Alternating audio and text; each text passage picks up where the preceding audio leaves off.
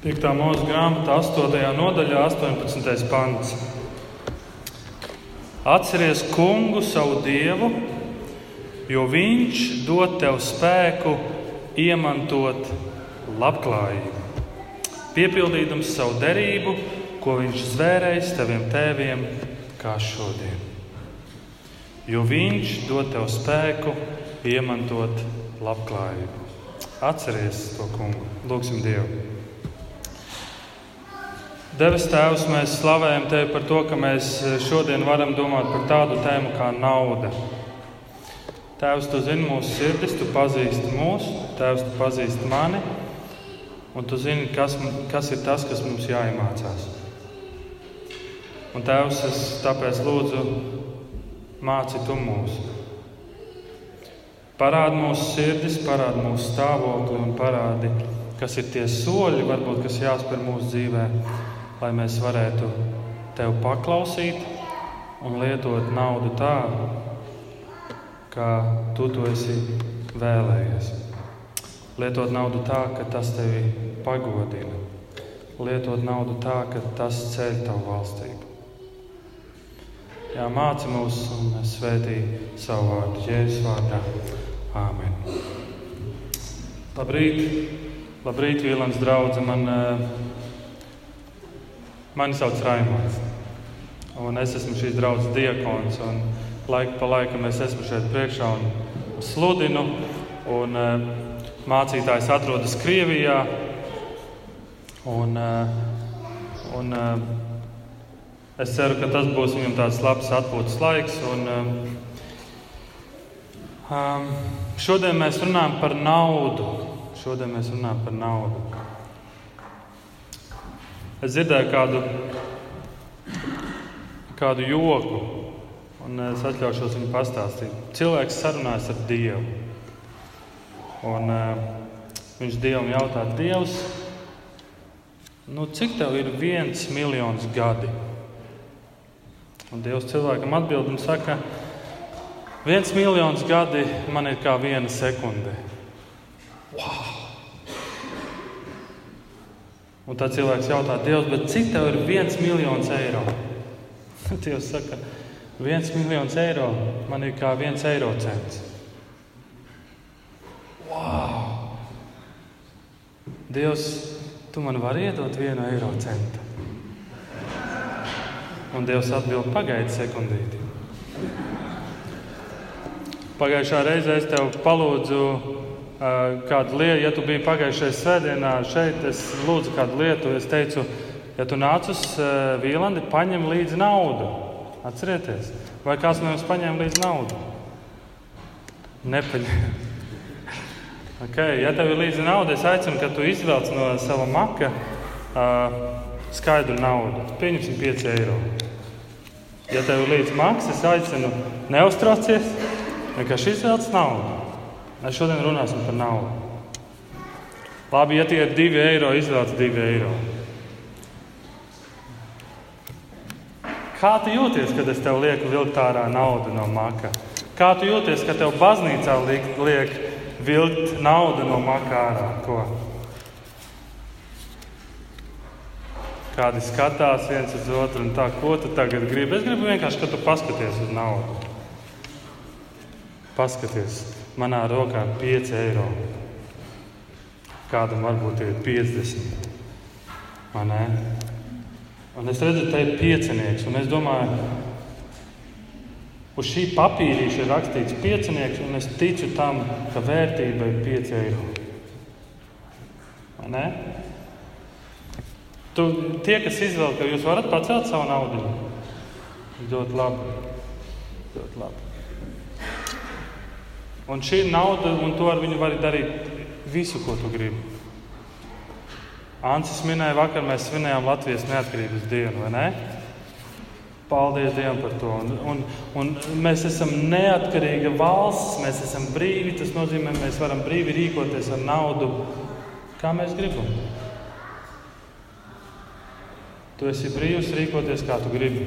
Nav, šī nauda ir kaut kas, par ko mēs tik ļoti daudz domājam. Nauda ir kaut kas tāds, kas mūs tik ļoti ietekmē. Nauda reizēm mūs ļoti motivē. Ja tu darbā slinko un tev kāds atnāk un saka, es tev došu vairāk naudas, tad tu sāc vairāk strādāt. Nauda, nauda ir kaut kas, kas visu laiku apkārt grodās. Es minēju, es, te, es minēju to, ka tu ar naudu vari darīt visu, ko tu gribi, vai ne? Es to teicu, vai ne? Ļoti labi. Es gribēju, ka jūs to dzirdat. Un uh, tu vari arī savu naudu, savus 5 eiro vai 1 eiro iedot savam blakus sēdētājam. Bet tā ir pilnīgi brīva tava izvēle. Tu vari dot, un tu vari nedot. Un tu vari pēc uh, baznīcas izpirkt kafejnīcu kādam ar saviem 5 eiro. Un tu vari to darīt, un tu vari to nedarīt. Tā ir pilnīgi brīva tava izvēle. Nauda ir tēma, par ko nelabprāt runā baznīcās. Ir baznīcās, kur par to runā ļoti daudz.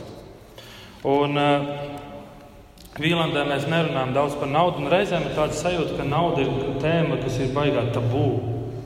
Un arī attiecībās bieži vien nerunā par naudu daudz, vai ne? Bet es, es ļoti negribētu, ka šī nauda ir kaut kas, kad citas baznīcas ir patentējušas šo tēmu, un viņas saka, ka šādi ir pareizi. Un, uh, un es domāju, tas nav pareizi. Mums ir jāsaprot, ko Bībele saka par naudu. Ko Dievs domā par naudu? Par lietu, kurai es tik daudz veltu savas enerģijas, savu domu, savu prātu, naudu. Nauda. Tu uztraucies par naudu. Vai tev šobrīd paceliet roku, kuram jums ir konts bankā? Un vai tev tajā kontā ir nauda? Pacel roku, ja tev ir kontā nauda. Tad jau tu mierīgi guli, vai ne? Un naudai ir tā tendence dot tādu drošības sajūtu. Ja manā kontā ir nauda, aldziņa ir ienākusi, es jūtos, es guļu labi. Un, un, un, un, tā, ir tā, tā ir tā realitāte. Par naudu bieži vien nerunā labprāt, bet man liekas, par to ir jārunā. Jaunajā darbā, 1. Timotejam 6. nodaļā, 10. pants, ir šādi vārdi. Jo visu ļaunumu sakne ir alkatība, mīlestība pret naudu. Pēc naudas tiekdamies, dažs ir nomaldījies no ticības un daudzkārt sagādājis sev asas sāpes. Bībele ir pilna ar brīdinājumiem par naudu. Ja tu lasi Bībeli, tad tu pamani, ka Bībele daudzkārt brīdina par naudu. Uzmanies, ka tu neiemīli naudu. Uzmanies no mankārības, uzmanies no alkatības. Uzmanies, un Bībele daudzkārt par to brīdina. Bet tāpat laikā Bībelē ir ļoti daudz pamācības, kā rīkoties ar naudu. Praktiskas pamācības, kā rīkoties ar naudu. Bībelē ir aptuveni 500 panti, kas runā par lūgšanu un ticību. 500 panti. Tas ir 5 ar divām nulītēm, kas runā par ticību un lūgšanu. Kā jūs domājat, cik panti Bībelē ir veltīti naudai? Vairāk kā 2000. Un, un tas liek domāt, kāpēc Četras reizes vairāk Bībelē tiek runāts par naudu. Varbūt tāpēc, ka Dievs grib, lai Dievs pasaka, ka viņam ir svarīgi, kā mēs rīkojamies ar naudu. Dievam ir svarīgi, kā mēs rīkojamies ar naudu.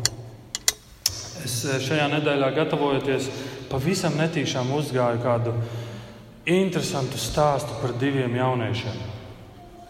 Jaunieši, jauni džeki, kuri ir precējušies, viņiem ir sievas, un kādam jau ir bērns. Un, un, eh, šie divi jaunieši, šie divi vīri, sauksim viņus par vīriem, ja precējas jau ir vīrs, kāds jaunietis. Šie divi vīri abi mīl savas ģimenes, abi ir ticīgi cilvēki. Un regulāri katru mēnesi dod desmito tiesu baznīcai. Ienāk naudiņa, uzraksta čeku, 10% aiziet baznīcai.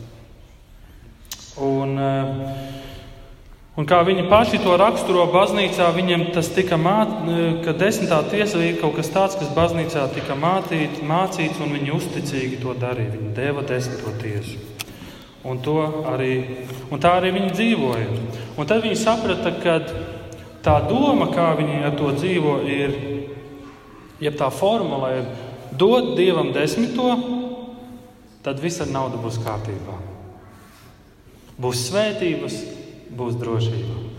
Galvenais dot desmito. Un eh, tad šie abi vīri pamanīja, ka eh, šī desmitā tiesa bija kā tāda dalības maksa ejot baznīcā. Es eju baznīcā, tas nozīmē, man jādod desmitā tiesa, man jādod desmitā daļa. Abi šie vīri strādā. Viens ir inženieris, un otrs ir ekonomists. Viens strādā Chevron uzņēmumā, kas pumpē naftu dažādās valstīs, bet otrs strādā medicīnas kompānijā. Abi vidēji gadā nopelna 300 tūkstoši gadā. Tas nozīmē, ka desmitā daļa būs 25. Ne, mēnesī viņi nopelna 25 tūkstošus, un tad pareiķiniet, cik būs desmitā daļa, ko viņi dod draudzē. Un kaut kādu savu iemeslu dēļ abi šie vīri nonāk uh, uh, Harvardas biznesa universitātē, lai iegūtu papildus grādu. Viņi saprot, ka viņiem ir vēl jāmācās, jāiegūst papildus grāds, un abi viņi satiekas un abi viņi iepazīstas. Un viņi nonāk tādā lekcijā, kur tiek runāts par dievu un naudu. Šie abi vīri uzmanīgi klausās. Un, viņi, un, un, un klausot, klausoties šo viņu stāstu, tu redzi, cik viņi ir mērķtiecīgi. Viņu dzīves mērķis bija īsā, dzīve, īsā dzīves posmā nopelnīt daudz naudas, lai 40 gados es eju pensijā vai pat ātrāk. Viņi bija ļoti mērķtiecīgi, viņiem bija dzīves plāns. Viņi nonāk Harvardas uh, biznesa universitātē un nonāk šajā lekcijā, un tas, ko viņi dzird, ļoti izaicina viņus. Viņi ir apmulsuši. Un lektors uz Bībeles pamata izsaka apgalvojumu, kas izmaina viņu domāšanu un viņu turpmāko dzīvi pilnībā. Un tas, ko viņi dzird, un tas, ko lektors viņiem māca, ir desmitā tiesa. Nav obligāts nosacījums piederot draudzēji. Tev nav obligāti jādod desmitā tiesa. Tas nav obligāti. Un tā, kad tu šo dzirdi, tās tev būtu labās ziņas, yes! vai otrādi tu domātu tāpat kā šie divi vīri. Viņi bija tik apmulsuši, viņi sāk domāt, pagaidi, a, ko es tagad, ko man, ko man darīt ar, ar to naudu, un ko man darīt ar naudu, kuru es gribu vēl nopelnīt ja desmitā tiesa nav obligāts nosacījums, ko man, ko man tad darīt? Es aicinu, ka mēs paskatāmies, ko, ko vecā derība saka par naudu un ko jaunā derība, ko vispār Bībele saka par naudu. Un, ja tev ir Bībele, es aicinu, seko līdzi, ver vaļā un, un skatīsimies. Vecajā derībā trīs vietās ir runāts par desmito tiesu. Trīs vietās. Un Izraēla tautai bija jādod desmitā tiesa no visa, ir, kas viņiem ir ienācis no savas ražas. Viņiem bija gada laikā jāsakrāj, un desmitā tiesa bija jādod templim un levītiem. Levīti bija tādi, levīti bija tie, kas kalpoja templī, un viņiem nepiederēja ne zeme, nekas. Un tāpēc Dievs teica, desmito tiesu dodiet templim un levītiem ik gadu, desmitoties. Un tāpēc nu, no šejienes arī nāk tas, tas pamatojums, kāpēc baznīcā joprojām šodien daudzi tos desmito tiesu. Un, ja tu dzirdi šādu terminu, desmitā tiesa, un tu domā, kāpēc, kurš to izdomāja? Mācītājs. Tad rekur ir pamatojums. Vecajā derībā par to tiek runāts. 4. mūža grāmata, 18. nodaļa. Desmitā tiesa. Bet ir vēl kaut kas. 5. mūža grāmata, 12, 14 un 26 nodaļa runā par desmito tiesu, kas tiek savākta reizi gadā. Un ar šo desmito tiesu tiek rīkotas lielas svinības. Šī nav tā pati desmitā tiesa, šī ir vēl viena desmitā tiesa. Tie sanāk 20%. Viena desmitā tiesa iet templim un levītiem, otra desmitā tiesa iet svinībām. Un šajās svinībās tev ir jāuzaicina bāriņi, nabagi, tie, kuri nespēja šīs svinības norganizēt. Un tad ir vēl viena desmitā tiesa. Un šī desmitā tiesa tiek, eh, tiek un Izraēla tautai tika teikts, tev katrus trīs gadus ir jāveido tāds eh, produktu fonds, produktu banka. Un tev šajā produktu bankā jāliek desmitā tiesa, lai pēc trīs gadiem tu šo, šo ēdienu dotu nabagiem. Šī trešā daļa bija paredzēta bija paredzēta nabagiem, specifiski, lai rūpētos par nabagiem, jo Dievs ļoti, ļoti akcentē tautai to neatstāja nabagus. Bet tie ir trīs gadu laikā. Tas nozīmē, kopā sareiķinot, sanāk, Izraēla tautai bija jādod 23% no visiem ienākumiem. 23%. Un tagad visi, yes, beidzot mēs zinām, Es domāju, kā es varu dot vairāk, vai ne? Yes. 23% no visu. Lūk, no kurienes arī nāk šī, šī mācība par to, ka mēs dodam desmito tiesu. Bet nesatraucies. Es ļoti ceru, ka no šodienas šis viss mainīsies un ka mēs Vīlandē ziedojumus vairs nevāksim. Es ļoti ceru, ka no šodienas mēs ziedojumus vairs visbiežāk nevāksim. Es pēc tam paskaidrošu, ko es ar to domāju. Vecajā darbā vēl citās vietās runā par naudu. Un ir tādi notikumi kā Kains un Ābels. Tur ir divi brāļi. Un Bībele saka, ka viņi abi nesa dievam upuri. Un ebrejiem 11. nodaļa 4. pants paskaidro, ticībā Ābels pienesa dievam pilnīgāku upuri nekā Kains, Ticības dēļ viņš ir saņēmis dieva atzinību, ka viņš ir taisnīgs. Dievs pats to apliecināja, kad Ābels upurdāvanas pienesa. Un šis notikums mums parāda to, ka vecā derība parāda kādu svarīgu principu. Viņu pienesums tika vērtēts pēc ticības, nevis pēc kvantitātes. Ticība. Otrā mūzika 22. nodaļa, 23. nodaļa dod instrukcijas, ka tautai jāņem vērā nabagus un atraitnes, un par viņiem jārūpējas. Viss caur vecajā darbā tur redzēs, Dievs saka, nabagi un atraitnes. Viņus neaizmirstiet, rūpējieties. Vecajā darbā mēs lasām par kādu bagātu vīru, kuru sauc Ieps bagāts vīrs. Ļoti bagāts vīrs. Un viņš nebija tikai bagāts, bet viņš bija godīgs un taisnīgs. Un par Iebu mēs zinām tādu lietu, ka eh, ar viņa dzīvē notiek kaut kas tāds, ko es nevienam, nevienam nenovēlētu. Pat savam lielākam ienaidniekam nenovēlētu. Viņš pazaudē visu.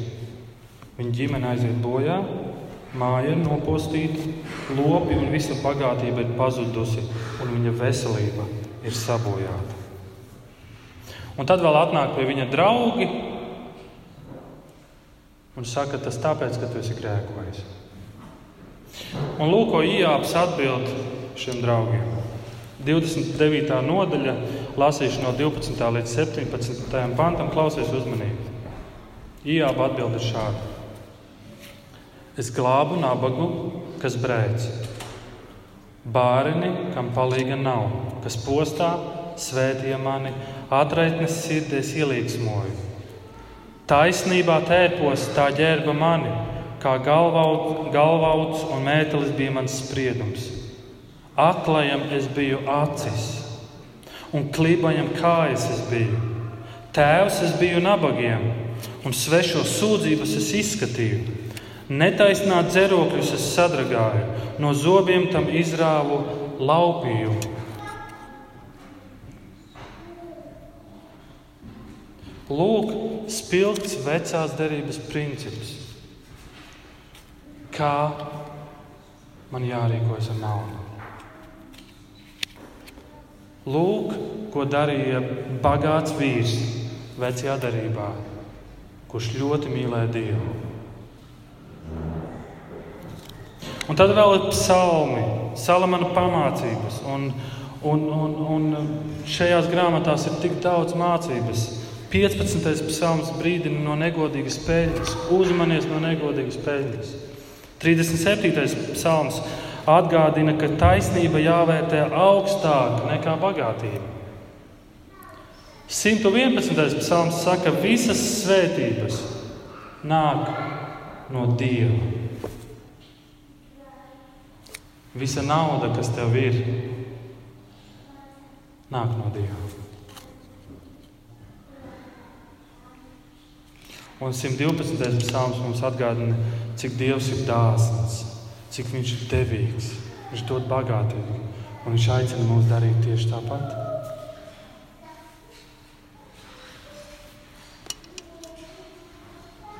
Kāds secinājums? Ko vecā derība mums māca par naudu un mantu, par bagātību?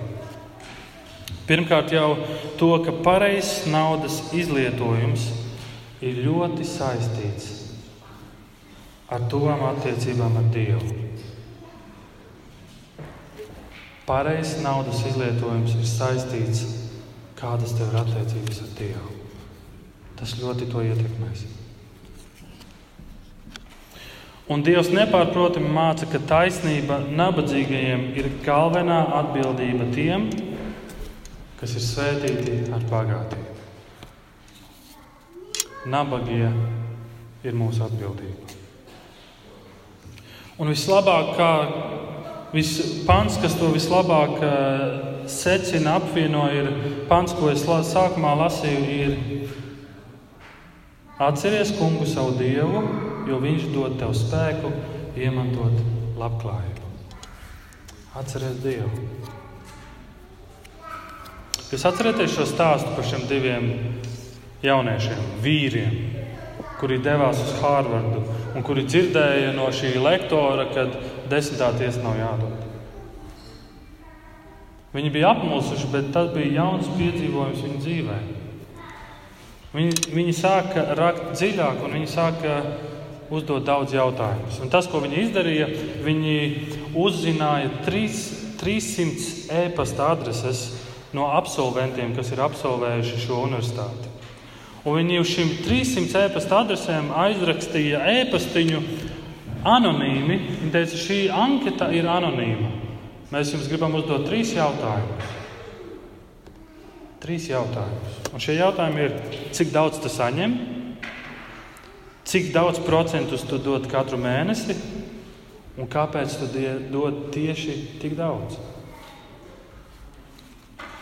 Aptuveni 150 atbildes viņi saņēma, bet tos stāstus, ko viņi tur izlasīja, tas viņus pārsteidza. Tas mainīja viņu pašu attieksmi, un tas izaicināja viņus vēl vairāk.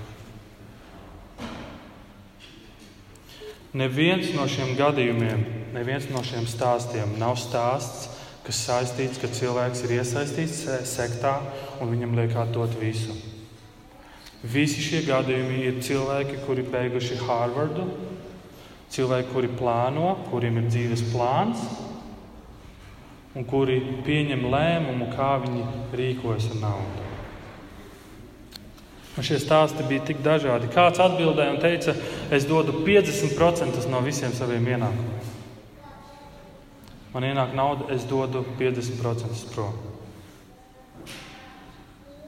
Kāds atkal atbildēja, es cenšos dot katru reizi tik daudz, cik vien iespējams. Es meklēju iespēju, kā dot. Un uh, bija kāds absolvents, kurš teica, es pabeidzu universitāti, un man bija plāns, man bija dzīves plāns. Trīs gadu laikā nopelnīt daudz naudas un iet pensijā. Nu, ne pensijā, bet nestrādāt. Un tad, kad viņš pabeidz šo universitāti, un tad, kad viņš ir izgājis šajā lekcijā cauri, viņš saka, es paskatījos uz savu dzīves plānu, un es sapratu, uz ko Dievs mani aicina. Un es savus trīs gadus pagarināju uz 30 gadiem, ka to naudu, ko es gribēju sakrāt trīs gados, es sakrāšu 30 gados, lai kamēr es esmu jauns, es varu pēc iespējas vairāk dot. Es, es būšu godīgs. Sākumā es klausos šo interviju, man liekas, amerikāņi. Nopietni. Man liekas, nu, tas izklausās pārāk, pārāk labi. Bet tas, kas man fascinē, ir jauni cilvēki, plāno savu naudu un jautā Dievam, Dievs, kā tu gribi, lai es dodu? Dievs, kā tu gribi, lai es rīkojos ar savu naudu? jo tā ir tava. Desmitoties nav, jā, nav jādod obligāti, bet es gribu dot. Tas, ko šie jaunieši ieraudzīja, tas, ko, tas, ko šie cilvēki ir, ir ieraudzījuši, ka viņi ir atklājuši, ka došanas kapacitāte var būt lielāka un lielāka un lielāka. Ko, ko, ko jaunā derība saka par naudu? Mateja 6. nodaļā, 21. pāns, Jēzus saka šādus vārdus. Vārdus, ko mēs tik labi zinām. Jo kur ir tava manta, tur būs arī tava sirds. Vai tu esi ievērojis, cik Jēzus daudz runā par naudu? Jēzus runā tik pietiekami daudz par naudu, ka tas ir jāņem vērā. Lūkas evanģēlijā 12. nodaļā Jēzus stāsta kādu līdzību. Kāds no pūļa viņam sacīja: Skolotājs saka manam brālim, lai viņš dalās ar mani mantojumā. Jēzus tam atbildēja: Cilvēki, kas man ir iecēlis jums par tiesnesi vai mantas dalītāju? Un viņš tiem sacīja: Pielūkojiet, sargieties no jau kādas mantrausības Pat pārpilnībā cilvēks nedzīvo no tā, ka viņam daudz kas pieder. Tad viņš stāstīja tiem līdzību. Kādam bagātniekam lauki ienesa labu ražu.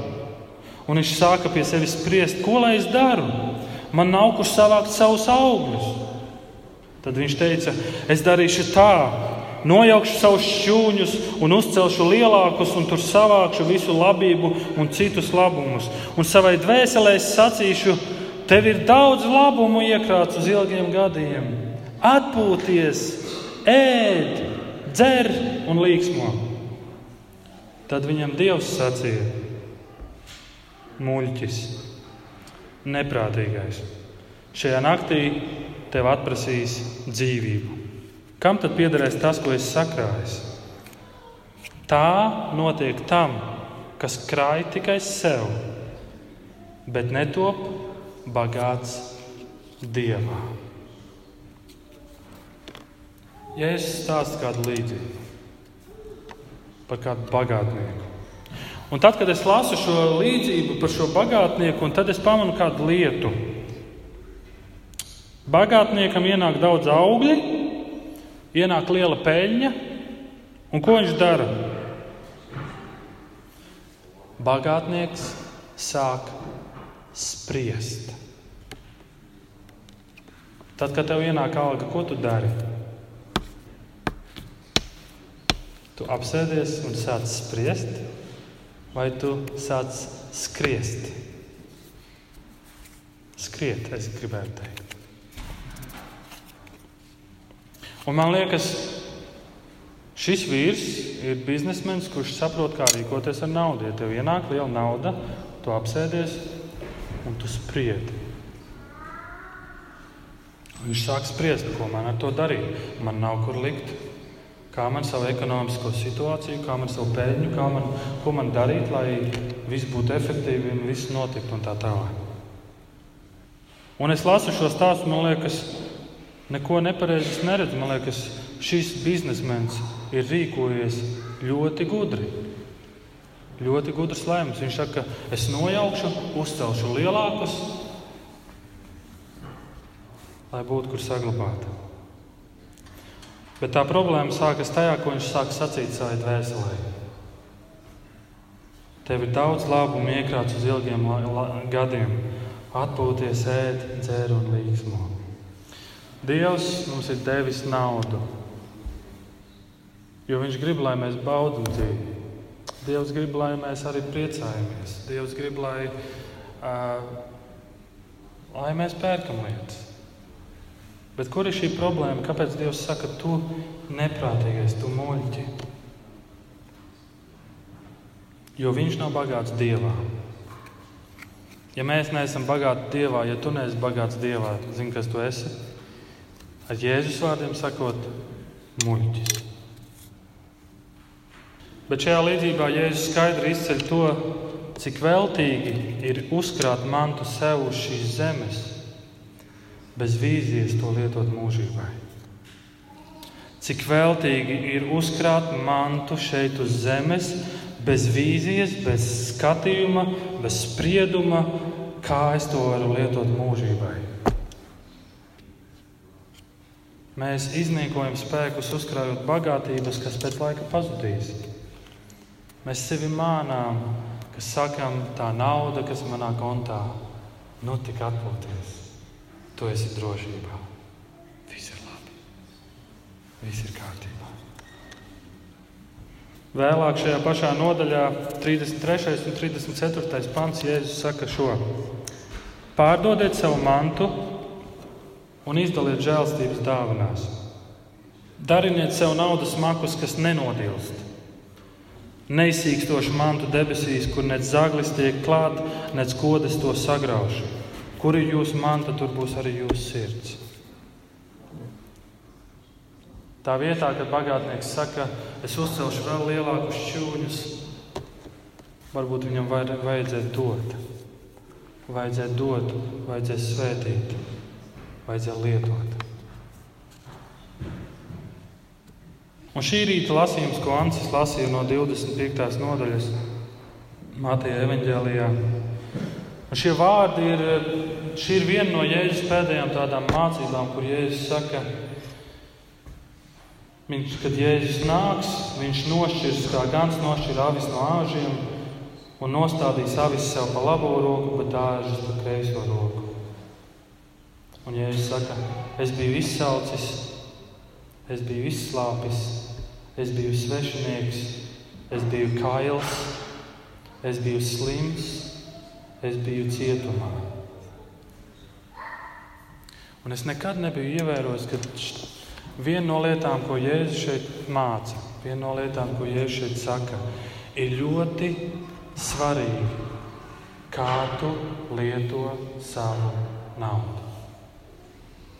Ja tu redzi kādu, kurš ir izsaucis, kā tu lieto savu naudu. Ja tu redzi kādu, kurš ir izslāpis, Kā tu lieto savu naudu? Un, ši, šis, š, un tad, kad es šo lasu, es domāju, par ko tas ir un, un, un ko tas nozīmē, tu mani pazīsti vai nē. Un tu redzi, ka patiesībā ir ļoti liela nozīme, kā mēs lietojam to, ko mēs saucam par savu naudu. Dievs mums ir uzticējis, lai mēs valdītu par to. Es atceros, ka es biju jaunāks un vēl Rīgā nestudēju. Es studēju kādā citā pilsētā, es studēju Jēkabīlī. Mācījos Jēkabīlī. Jā.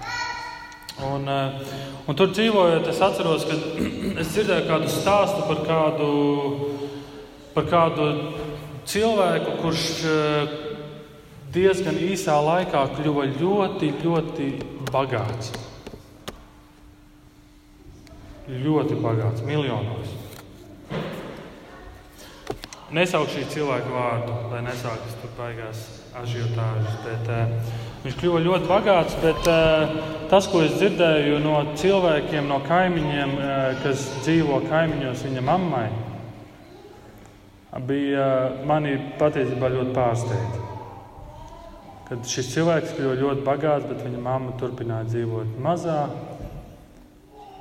dzīvoklītī, iedama pie kaimiņiem, aizņemdamās naudu, cukuru un kaut kādas lietas.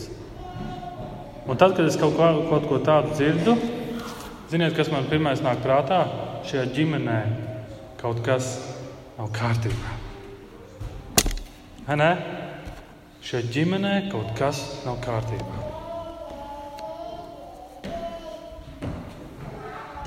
Galatiešiem 6. nodaļa, 10. pants. Paklausies, ko saka. Tad, nu, kamēr mums ir laiks, darīsim labu visiem. Īpaši tiem, kas ticībā pieder pie mūsu saimes.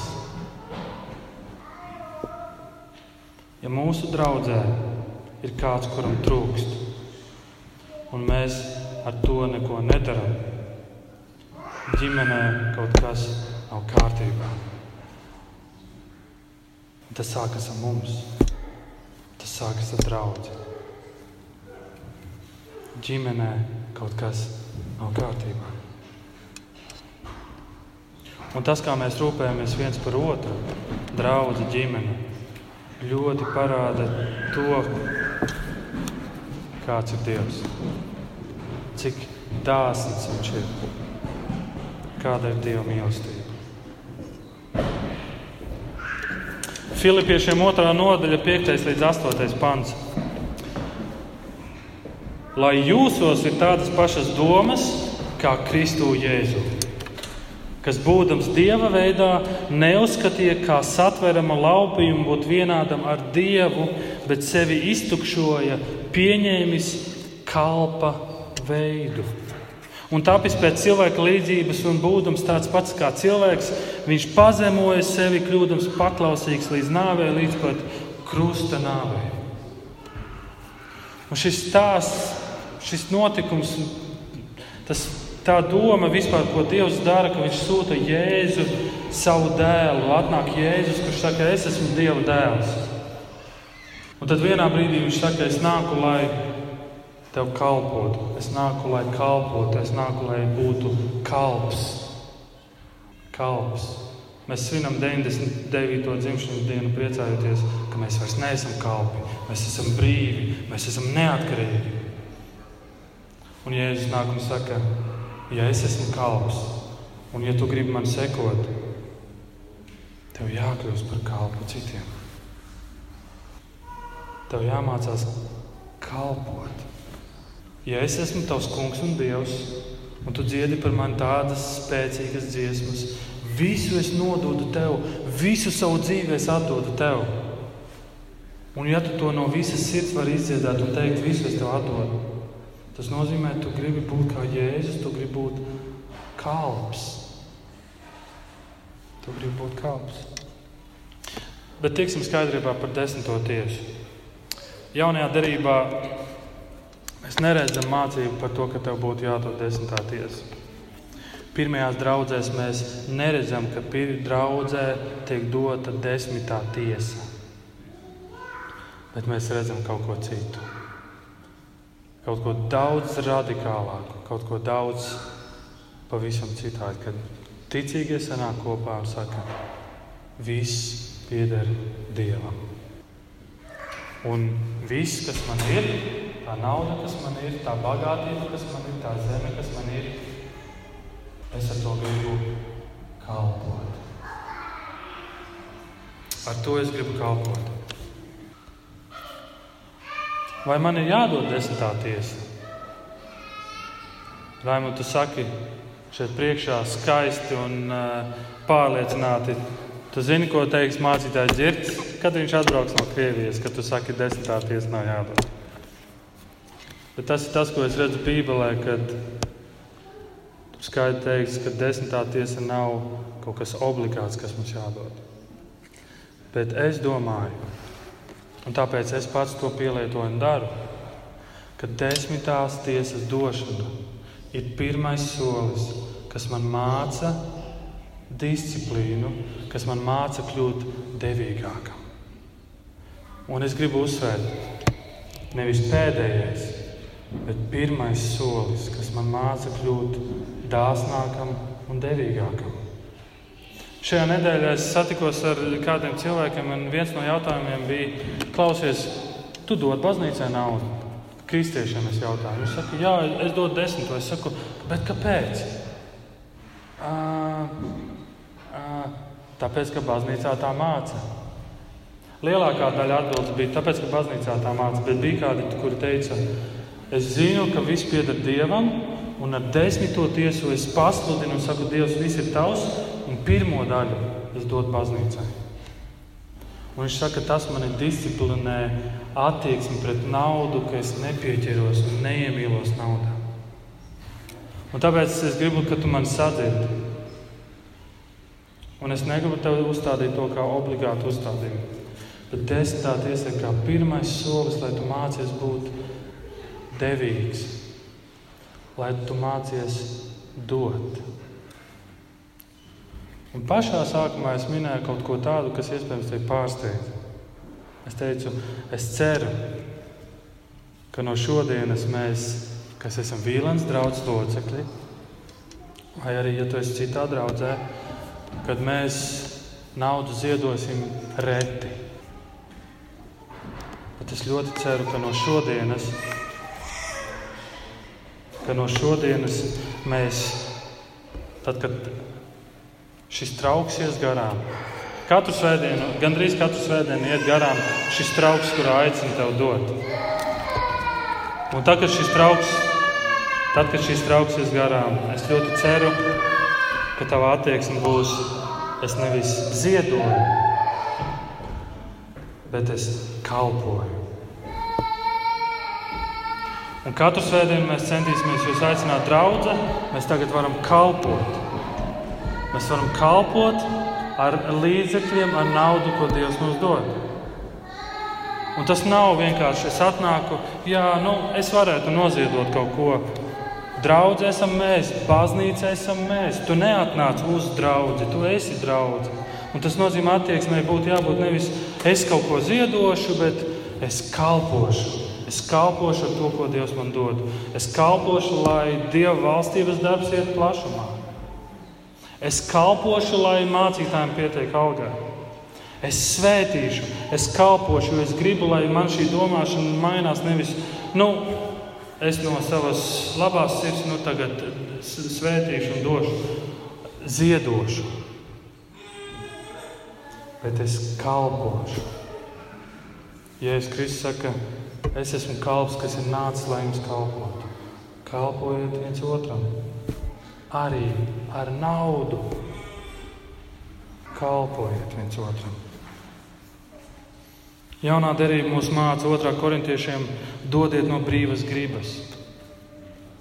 Un es ceru, ka tā, kad tu tagad klausies, tu sevi iekšā jūti tādu vēlmi, klausies, man šīs jautājums ir jāpēta vēl dziļāk.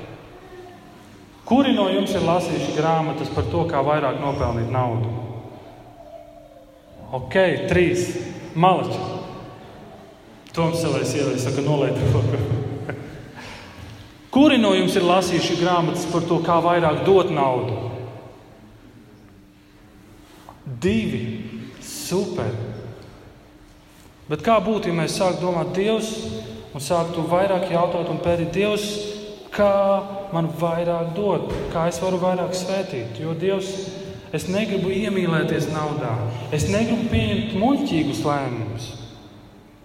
Es gribu, ka tie ir lēmumi, kad es spriežu, bet Dievs tev par godu un slavu. Jo viss pieder tev.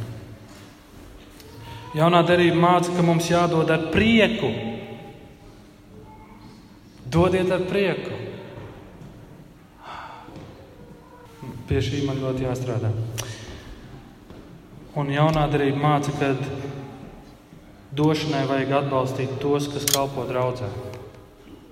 Es ļoti ceru, ka nākotnē Vīlandē mums būs atmaksāts jauniešu darba vadītājs, atmaksāts, svētdienas skolas vadītājs atmaksāts, ka mēs varēsim vēl vairāk svētīt un domāt, kā debesu valstības darbā attīstīt.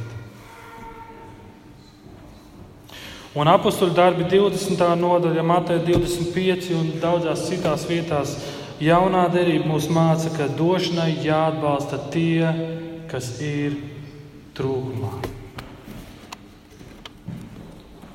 Jāatbalsta tie, kas ir trūkumā.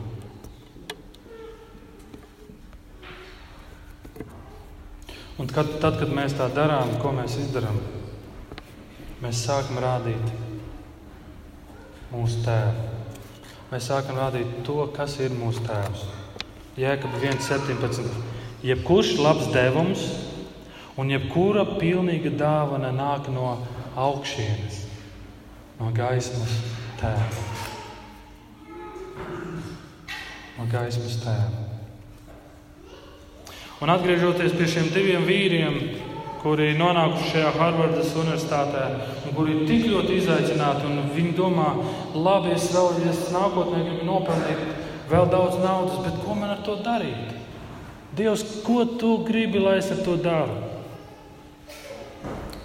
Un es citēju, ko viens no viņiem, ko viens no šiem vīriem ir, pie kā viņš ir nonācis. Citēju: Uzticama un uzmanīga svēto rakstu lasīšana tevi neaizvedīs pie jautājuma, cik daudz man jādod.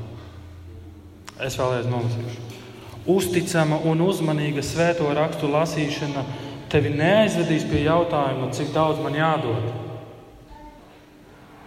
Bet tas aizvedīs pie jautājuma, cik daudz man jāpatur. Tas jautājums nav Dievs, cik daudz tu gribi, lai es dodu, bet tas jautājums, ok, tam jautājumam būtu jābūt Dievs, cik daudz tu gribi, lai es paturu sevi. Un ticiet man, šis izaicina mani ļoti. Tad, kad es par to domāju, liekas, ok, cik daudz vispār es Dievam jautāju, jautājumu Dievs. Kādu mašīnu man pirkt? Dievs, vai man vajag tādu telefonu? Dievs, uh, ko man darīt? Tā doma, ko es gribu pateikt, cik daudz es Dievu iesaistu savā finansēs un jautāju, Dievs, ko man darīt ar šo naudu? Dievs, kā tu gribi, lai es lietotu šo naudu? Un tu pamanīsi, kas mainīsies. Tiks izaicinātas, izaicināta tava ticība un mainīsies tavas attiecības ar debesu Tēvu ka tu sāksi vairāk iesaistīt un nevis teikt, desmitā tiesa atdod, pārējo dievu nekas neinteresē.